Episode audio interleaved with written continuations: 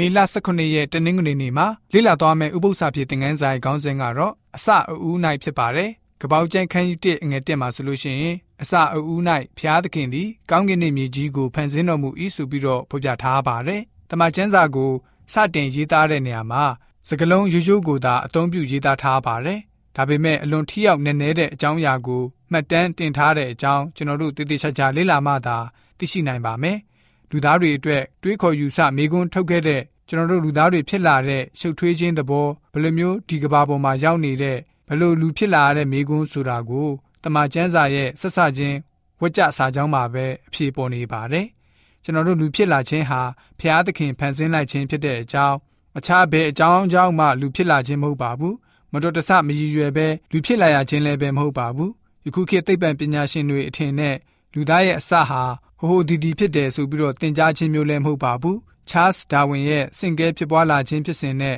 တမန်ကျမ်းစာအဆိုကတော့လုံးဝခြားနာပါတယ်။သိပ္ပံပညာကိုကျမ်းစာနဲ့လိုက်လံကိုက်ညီခြင်းပြုတဲ့ခရိယန်တွေဟာလည်းပဲမိုင်မဲခြင်းအမှုကိုသာပြုနေကြပါတယ်။ကျွန်တော်တို့ကိုဖျားရှင်ဖန်ဆင်းတဲ့အချိန်ခါကိုတိတိကျကျဖော်ပြထားပြီးဖြစ်ပါတယ်။အစဦး၌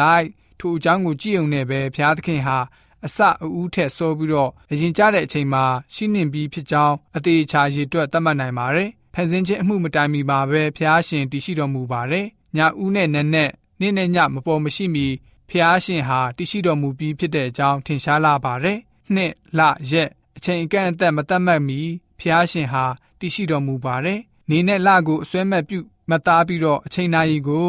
ကဘာသားတွေကတတ်မှတ်ခြင်းသာဖြစ်ပါတယ်။ဖျားရှင်ရဲ့ဖန်ဆင်းခြင်းအမှုကိုနှုတ်ကပတ်တော်အားဖြင့်ထောက်ခံရေးသားတာကတော့ကနဦးအစအဦးဆိုပြီးတော့ပဲဖြစ်ပါတယ်။ တမန်ကျမ်းစာကယေရှုသခင်ဟာဖန်ဆင်းခြင်းအမှုအလုံးစုံကိုတာဝန်ယူကိုစားပြုဖန်ဆင်းတဲ့သူလို့ဖော်ပြထားပါတယ်။တမန်ကျမ်းစာရဲ့ဖော်ပြချက်အရ